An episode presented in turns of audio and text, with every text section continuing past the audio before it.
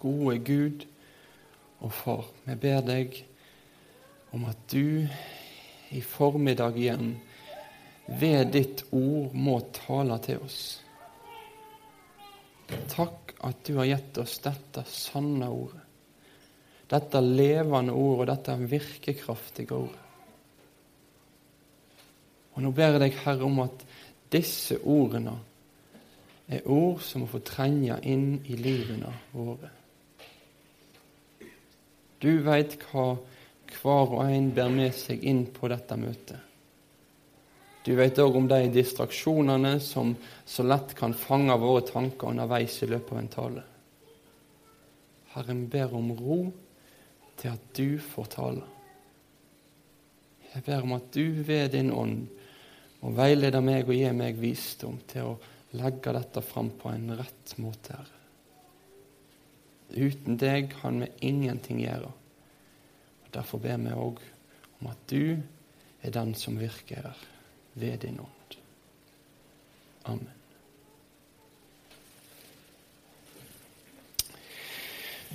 Vi skal begynne med å lese det som er eh, søndagens tekst. Det vil si, jeg slutter eh, ett vers før det som står oppført, for det, det siste verset hører i mine øyne med til neste avsnitt. Så vi slutter i vers 35. Johannesevangeliet kapittel 20, nei, kapittel 6 og vers 24 til 35 skal vi begynne med å lese nå.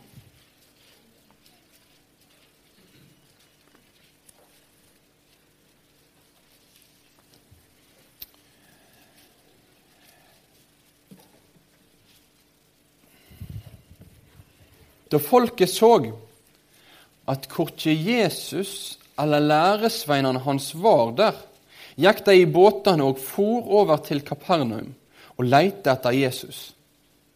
De fant han der på den andre sida av sjøen og sa til han, Rabbi, når kom du hit?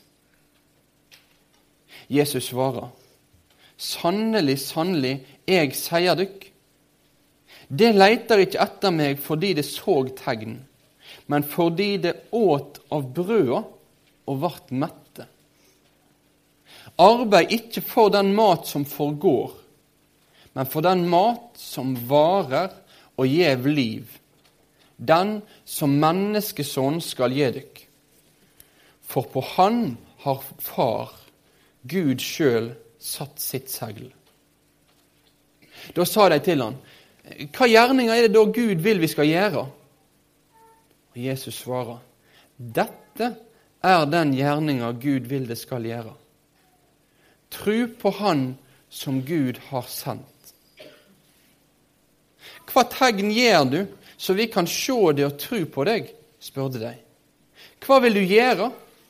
Fedrene våre åt manna i ødemarka, som det står skrevet. Brød fra himmelen gav han dem å ete.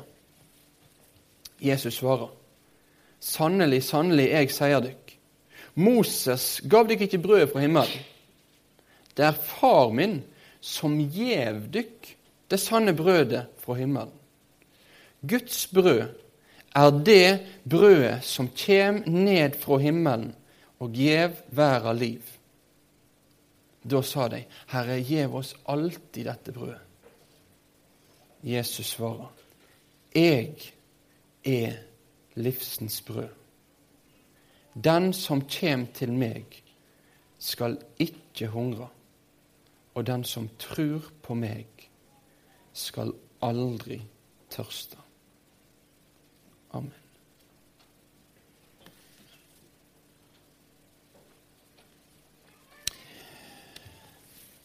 Dette her er en tekst som står midt i et kapittel.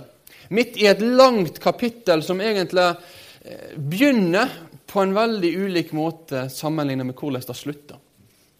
Det begynner med en kolossal begeistring for Jesus. Og så avslutter det med at i slutten av kapittelet så har Jesus sagt en del ting som mennesker har blitt litt sånn brydd av. Og Til slutt så spør han læresvennene sine, de tolv apostlene, vil, vil det òg gå bort. De må si at nei, hvem, hvem, skal vi gå til, Jesus? Det er du som har livets ord. Vi tror at det er du som er Guds Messias. Det er et kapittel ifra popularitet og til at flere og flere av de som var fascinert av Jesus, blir skalla av. For kapittelet begynner med en historie som for oss er ganske kjent på mange måter. Nytestamentet forteller flere historier om hvordan Jesus på ulike måter på ulike tidspunkt gjev folk mat. Og Sånn begynner dette kapittelet her òg. De er samla. De er samla med Tiberiasjøen. Og så kommer folkemengdene. Så kommer de store folkemengdene til Jesus og til læresveinene. Og Spørsmålet blir hvordan skal de se for mat? Hvordan skal disse her folkemengdene få mat? Vi har ikke nok mat til dem. Vi har fem byggbrød, vi har to fisker. Hvordan skal dette her gå? Og Så forteller historien oss om at Jesus han velsigner denne maten. og De deler ut, og det blir rikelig med mat. Alle får ete seg mette. De 5000 mennene og familiene der òg. De får all den maten de trenger. Jesus gir under. Folk ser at han her han er noe mer enn en vanlig person. Han er noe mye større enn et vanlig menneske. For se, det var jo bare fem brød, og nå er vi 5000 folk her som har blitt mette. For en fyr. For en fascinerende type. Han her, han vil vi bli bedre kjent med. Og Så forteller historien også om at Jesus og læresveinene trekker seg litt tilbake. Og så Etter hvert så får læresveinene over sjøen, men Jesus han blir ikke med dem. De legger ut på sjøen alene, men Jesus han er igjen på land. De ror og ror og ror. Og Det har vært verre og verre vær, og plutselig så kommer Jesus gående imot dem. Han skulle tydeligvis over sjøen, han òg men han tok sin egen framkomstvei. De blir livredde. Hva er dette her for noe? Så svarer Jesus de, vær ikke redde. Det er jeg. Det er jeg. Han møter de, han trøster de, og så står det et merkelig vers. Det står at de ville ta han opp i båten, og straks var båten innmed land der de skulle legge til. Det ser ut som at Jesus han ble ikke tatt opp i båten, men når de skulle ta han opp i båten, og plutselig så var de med land. Da hadde Jesus ført dem fram. Men nå er de på motsatt side. På den andre sida på Tiberiasjøen så begynner folk å lete. De finner ikke igjen disse her, og, og de, de, farter etter. De farter etter til motsatt side, for de har sett at her har folk reist. Og Så kommer de der, og så møter de Jesus. Og Så spør de Jesus, rabbi, Rabbi, hvordan har du kommet deg her? Når kom du fram her? Og Så begynner denne teksten her, ved denne talen som Jesus har. Denne talen som han har i møte med denne store folkemengden som er fascinert av han. Som er interessert på mange måter i han. Men da han òg nå begynner å berette ut at det er kanskje ikke Jesus de første rekke er interessert i. Men det er de tingene som de tenker at Jesus kan gjøre for dem. For når de spør Jesus når kom du hit, så fortsetter ikke Jesus med å svare. Nei, nå skal jeg fortelle dere. Læresveinene mine de, de lå ut med båten. Men jeg ble ikke med. Jeg derimot, jeg gikk over sjøen. Jeg gikk over sjøen, og jeg kom ut til båten, og jeg førte de trygt fram. Han forteller ikke om den utrolige undergjerningen som han gjorde da han nok en gang fikk vise læresveinene sine om at han er den Gud som har makt over alt. For han ser at deres forståelse av Jesu undergjerninger er helt misforstått. I stedet for så, så går han nå rett inn og så stiller han en diagnose på at gudsforholdet deres er feil på at måten de ser på Jesus, er fullstendig opp ned. Og Vi møter da noen ganger gjennom Nytestamentet at når Jesus møter mennesket, så svarer han på helt andre ting enn det som blir stilt spørsmål Har du merka det? Nikodemus kommer til Jesus på natta. Og Nikodemus begynner å du, du er en stor lærer, og alle vet om hvem du er. Men, men Jesus han er rett på sak. Ingen kan se Guds rike uten at de blir født på nytt. Han vet egentlig hva som Nikodemus tenker på. Han vet hva som er Nikodemus sitt problem. Han skjærer til beinet. Og Det samme gjør Jesus her. Og I det så ser vi noe av hvem Jesus faktisk er. Vi kan trene oss mye opp i å bli menneskekjennere på ulike måter. Se hva mennesket tenker på og er opptatt av. Men samtidig så kan vi òg mennesker være veldig gode til å bygge opp en fasade. Skjule ting, stenge ute ting. Gi et inntrykk til omgivelsene om at de er annerledes enn sånn som de egentlig er. Men Jesus lot seg aldri bli lurt av en fasade. Jesus lot aldri fasaden stoppe blikket, for han så inn i enkeltmenneskene sine liv. Men sånn er Jesus i dag òg. Han som ser bak de masker, bak ditt ytre, bak det alle andre mennesker ser. Jesus ser ditt hjerte.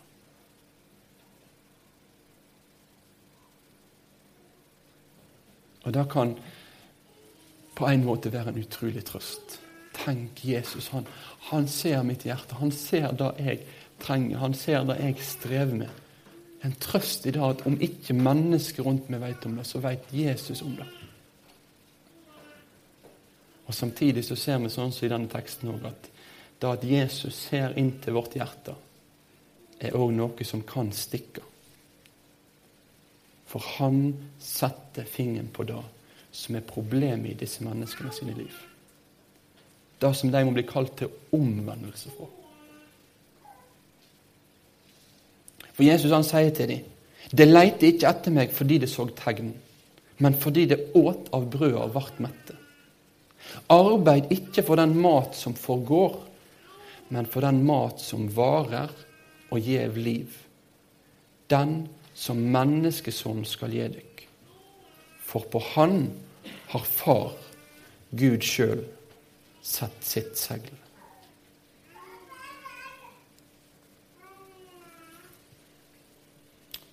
Det ser ut som at disse menneskene lengter etter ei materiell frelse.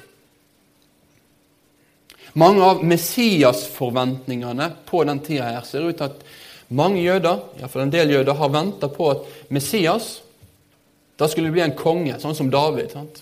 En konge sånn som David som, som skulle fri de fra romerne. Han skulle kaste romerne på dør og skulle på nytt gjenopprette Israel sånn som det var i gode gamle dager. Det skulle bli en slags gjenopprettelse, en materiell gjenopprettelse av de gode dagene som var tidligere. Og En del ser kanskje også ut til å ha blanda dette sammen med en tanke om at ja, det skal bli bedre levekår. Noen mener at områdene, f.eks. sånn som rundt denne sjøen her, kanskje var et spesielt fattig område i Israel. Det er for en del som mener at storbyene var kanskje der mer av verdien var samla. Mens for den jevne bonde og, og fiskeren så var hver dag en kamp om å få mat på bordet. Og så lengter de etter, de lengter etter Messias, Messias som skulle komme, som skulle gi overflod. Og så plutselig så har de møtt denne mannen her som, som har med fem brød metta landsby på landsby. Det er klart de blir fascinert. Det er klart de blir grepet. Og det ser ut som at de tenker at det er da Jesus framfor alt kan gi dem. At han kan få være et middel for at de kan bli mette. At han kan være et middel for at de kan få de tingene som de ønsker. Men så snur Jesus det opp ned og sier at det er ikke sånn at han er et middel for at de skulle få mat. Men tvert imot, når han har gjort dette underet her, så er det et middel og et tegn på hvem Jesus er og hva han har kommet for å gjøre. Altså, Misforstå meg ikke. Jesus han, har veldig stor omsorg for mennesker, òg i det materielle. Han griper inn mange plasser i evangeliene og gir mennesket mat og helbreder mennesket. Men samtidig så er det sånn at alt dette her, det peker til sjuende og sist framover mot hvem Jesus er.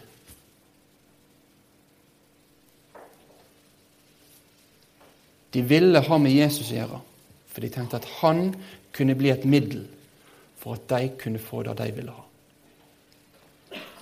Og slik kan det òg være i dag. Sånn kan det lett òg bli i vår tid. Hvem er Jesus? Hvordan ser en på Jesus?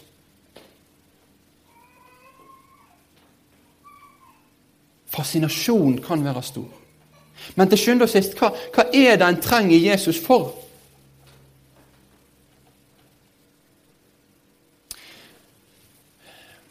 Av og til så kan vi møte, møte eh, sammenhenger som har et veldig veldig stort fokus på at ved trua på Jesus så er det òg kommet en ny realitet som skal medføre at jeg skal slippe å være sjuk.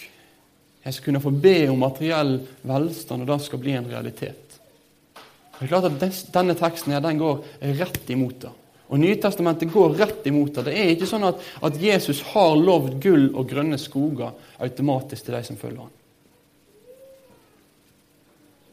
Og Samtidig, så, når vi hører de tingene, så tror jeg veldig mange her inne kan sitte og tenke at ja, ja denne teksten her, den er veldig aktuell for disse herlighetsteologene. Mm, ja, de, de, trenger å høre dette her. Ja, ja, ja. Mm.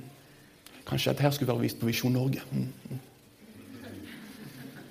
Men så er kanskje dette her vel så mye noe som er aktuelt for oss. For Hva trenger du Jesus for? Hvorfor vil du ha med Jesus å gjøre?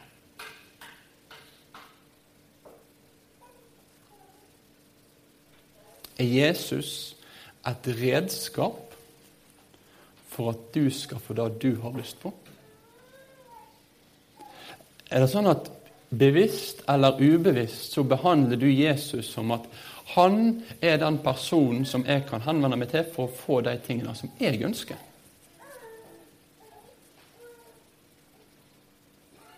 Derfor kan jeg be til han, så kan jeg gi meg de tingene. At Jesus blir en slags sånn automat som jeg bruker for det jeg vil ha.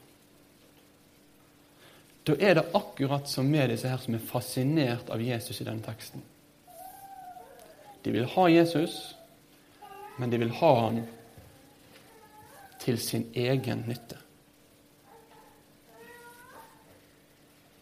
Men det kan òg være at vi begynner å bruke Jesus som redskap også for andre ting her på jord.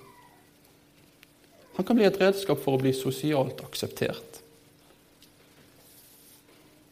Mange plasser er ikke det så rele relevant og reelt, men i store kristne miljø så kan det være sånn at ja, for å få venner her, kanskje da, da, får jeg heller ta og, si at jeg tror på Jesus, jeg òg. Da får jeg late som jeg vil ha med Jesus, jeg òg. Kanskje det kan være fordi en, en vil komme inn i en sammenheng. Eller kanskje det er fordi en ønsker å oppleve og føle glede og fred, eller føler kjærlighet.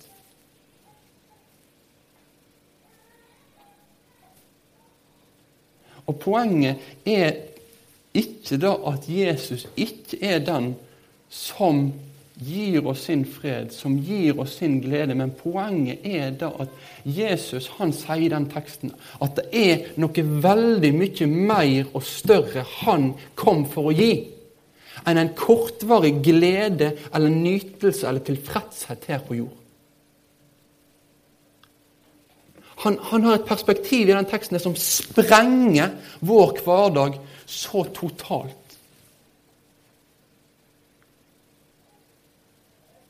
Du trenger ikke Jesus i første rekke for å kunne føle på en fred Men du trenger han fordi at han er den som gir evig liv.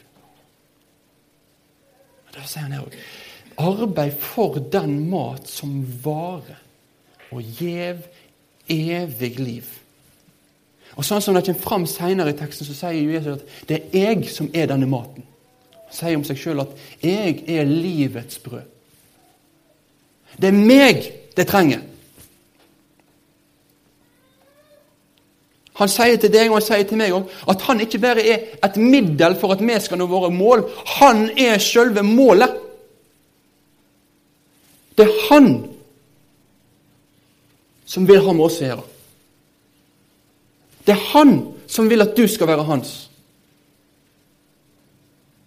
Og når Bibelen løfter fram blikket om mot evigheten, så er det som om alt blir oppslukt av at Jesus er der. Det blir så gjennomstrømmende, det er så stort at alt annet bleiker i forhold. For at Jesus er der. Det er Han og fellesskapet med Han som er målet.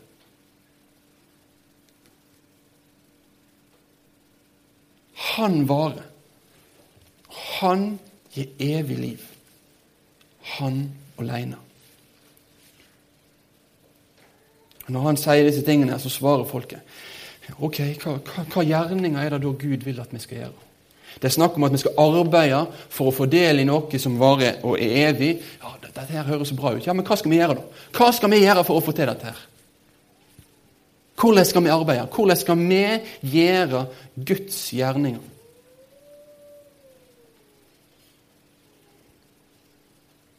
Og Så svarer Jesus at men det er, ikke, det er jo ikke deres gjerninger, det er jo ikke deres innsats. Det, det er jo ikke det det handler om.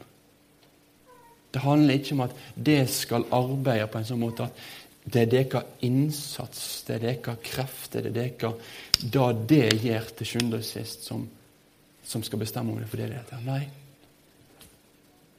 Det skal få tro på Han som Gud har sendt. Da er den gjerningen som Gud vil at de skulle gjøre, og vi skulle gjøre. Han kaller oss til å tro på seg. Denne evige maten, denne livgivende maten, er ikke noe som jeg skal gjøre meg fortjent til slite lange arbeidsdager for å klare å få lønn, sånn at jeg kan kjøpe ut den maten på butikken, og den er kjempedyr. Nei, det er motsatt vei. Det er Jesus som er maten.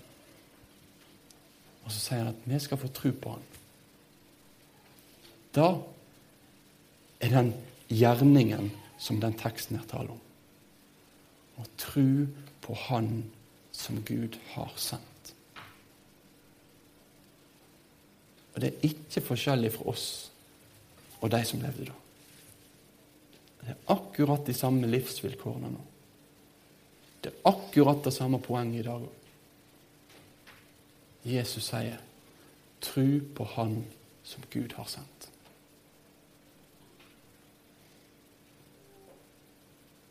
Det er en del som har gjort et poeng ut av at det står ikke 'tru at Jesus er sendt av Gud' men at det står 'tru på Han'. Preposisjoner er viktig. Tru at det er en sånn historisk ja, Han eksisterer. Jeg vet om det. Men å tro på det handler om at Oi. Ja. Jeg med mitt liv får hvile på det, stole på det, bygge på det. Jesus er sendt av Gud som livets brød, som gir liv. Men jødene de er i tvil. De, de går ikke helt med på dette. her. Og De vil ha noen bekreftelser. Og Da fortsetter de med å si ja, men, ja, men hva tegn gjør du så vi kan se det og tro på deg? Hva vil du gjøre? Fedrene våre åt manna i ødemarka, som det står skrevet. Brød fra himmelen gav han deg å ete. Så nå begynner de å si ja, ok, greit. Hvis det er sånn at du er Messias, ja, da må du vise det. da må, du, da må du gjøre et tegn som bekrefter da at du er Messias. Og En del mener at det som ligger bak her, er en, en forventning om at Messias han skulle også være som den nye Moses. Og Det, det ligger egentlig allerede i Mosebøkene. Sant? Gud sier til Moses at det skal bli reist opp en ny profet som han. Og Det står i slutten av 5. Mosebok at det kom aldri en profet som Moses. For det gjorde det aldri i Gamle Testamentet. Så det er en forventning om at Messias skal være en ny Moses. Og det ser ut som at en del rabbinere, spesielt etter Jesu tid, men òg på Jesu tid, har hatt en forventning om at Messias skulle bekrefte sin messianske identitet med å gjenta mannaunderet. At han skulle vise at han var Messias, at han var den nye Moses, med at han, som Moses i Gamle Testamentet, lot mannen dale ned fra himmelen. Så da sier nå egentlig sier til han, ja, Jesus, hvis du er Messias, da må du bare få mannen ned her. For det er jo det vi tror at Messias skal gjøre. Men Jesus kjøper ikke den. Han har allerede gjort mange tegn. Han har allerede gjort mange under som bekrefter og understreker at han er den som Gud har sendt. Han kommer til å gjøre mange tegn og mange under framover òg. Men nå så, så, snur han på det og så sier han noe om at Moses det var ikke han som ga dere dette brødet fra himmelen. Det var ikke det. Det var far. Det var Gud. Og han er den som òg gjev dykk brødet fra himmelen. Igjen så, så, knytter Jesus dette sammen med at noe av det en framfor alt kan kjenne at han er Messias på, er at han og Faderen er ett. At Jesus gjennom hele sin gjerning understreker at han ikke bare er et menneske, eller et menneske som har en spesiell utrustning, eller et menneske som er ekstraordinært. Han er sann Gud. Han er sant menneske. Han og Faderen er ett. Så sier han også dette, derfor da, at det er far min som gjev dykk det sanne brødet fra himmelen.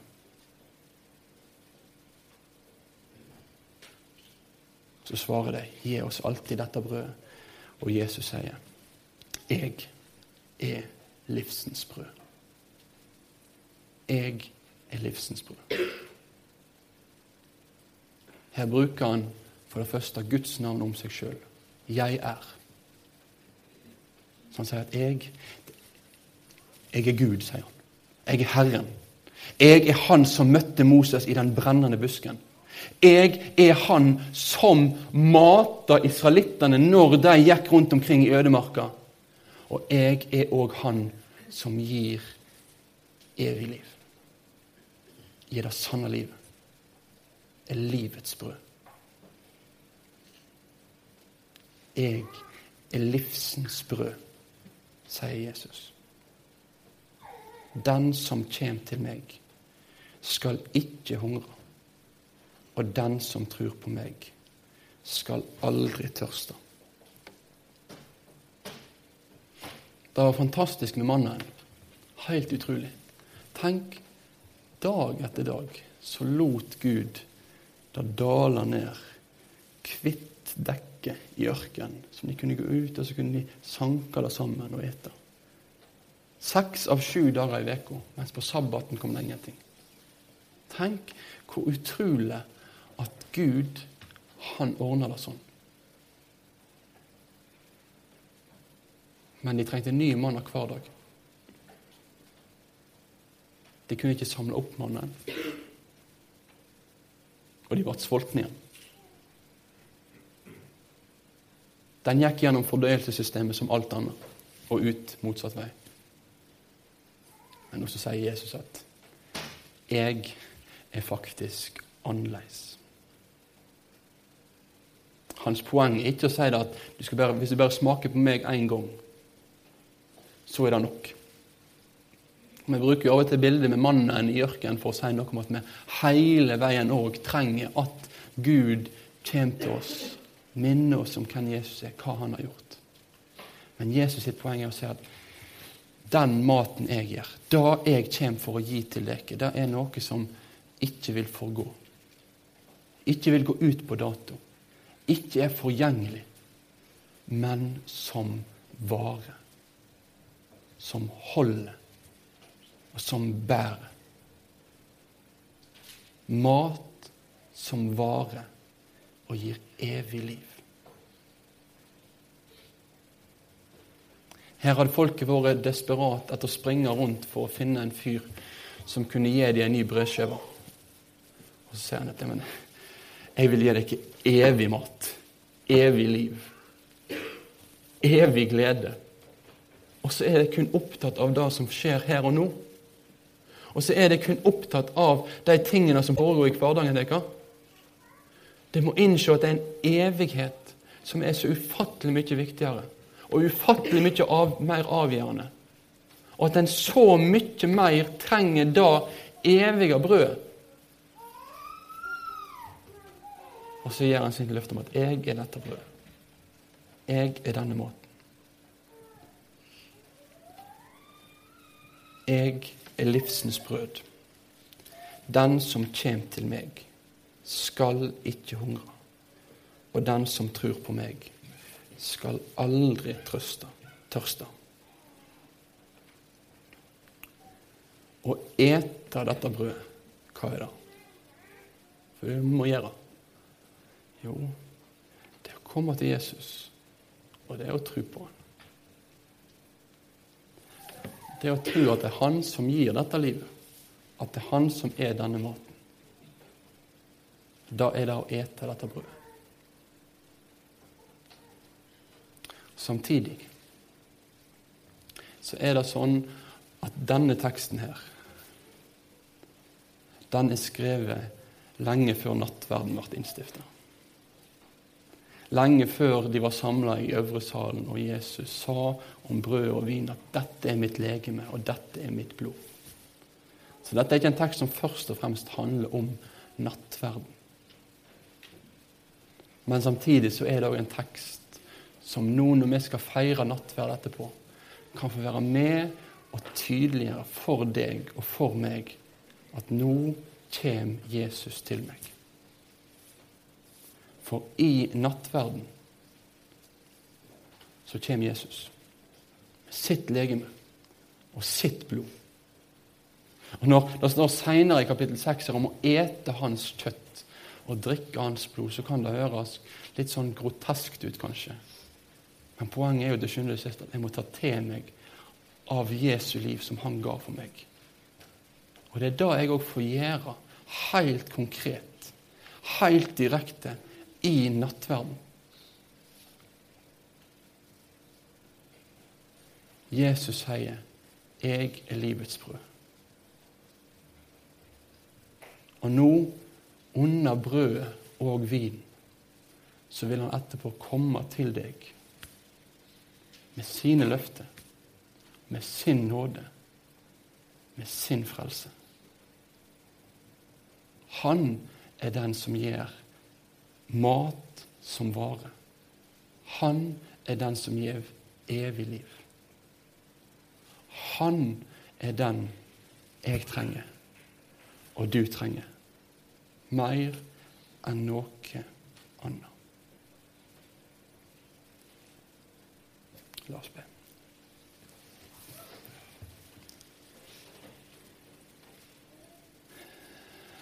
Herre, nå vil vi takke deg for at du er den Gud som har talt til oss gjennom ditt ord og minnet oss om hvem du er, hva du har gjort for oss. Takk for ditt blod som du utøstet for å sone mine og våre syndere. Og takk at jeg skal få tro på at da er det som holder. Da er det som bærer. Det er den maten som gir evig liv, og som varer. Det er ditt blod, Herre. Ikke mine gjerninger som kan gi et varig fundament. Og takk òg for at vi nå etterpå skal få feire nattverd. Og så helt konkret få ta til oss av ditt legeme og ditt blod. Takk for din nåde mot oss. Tilgi meg og tilgi oss at vi kan falle for fristelsen og gjøre deg til et middel for at vi skal få det vi vil. Herre, hjelp oss til å se at det er du som er målet, og at du vil ha med hver og en av oss å gjøre. Amen.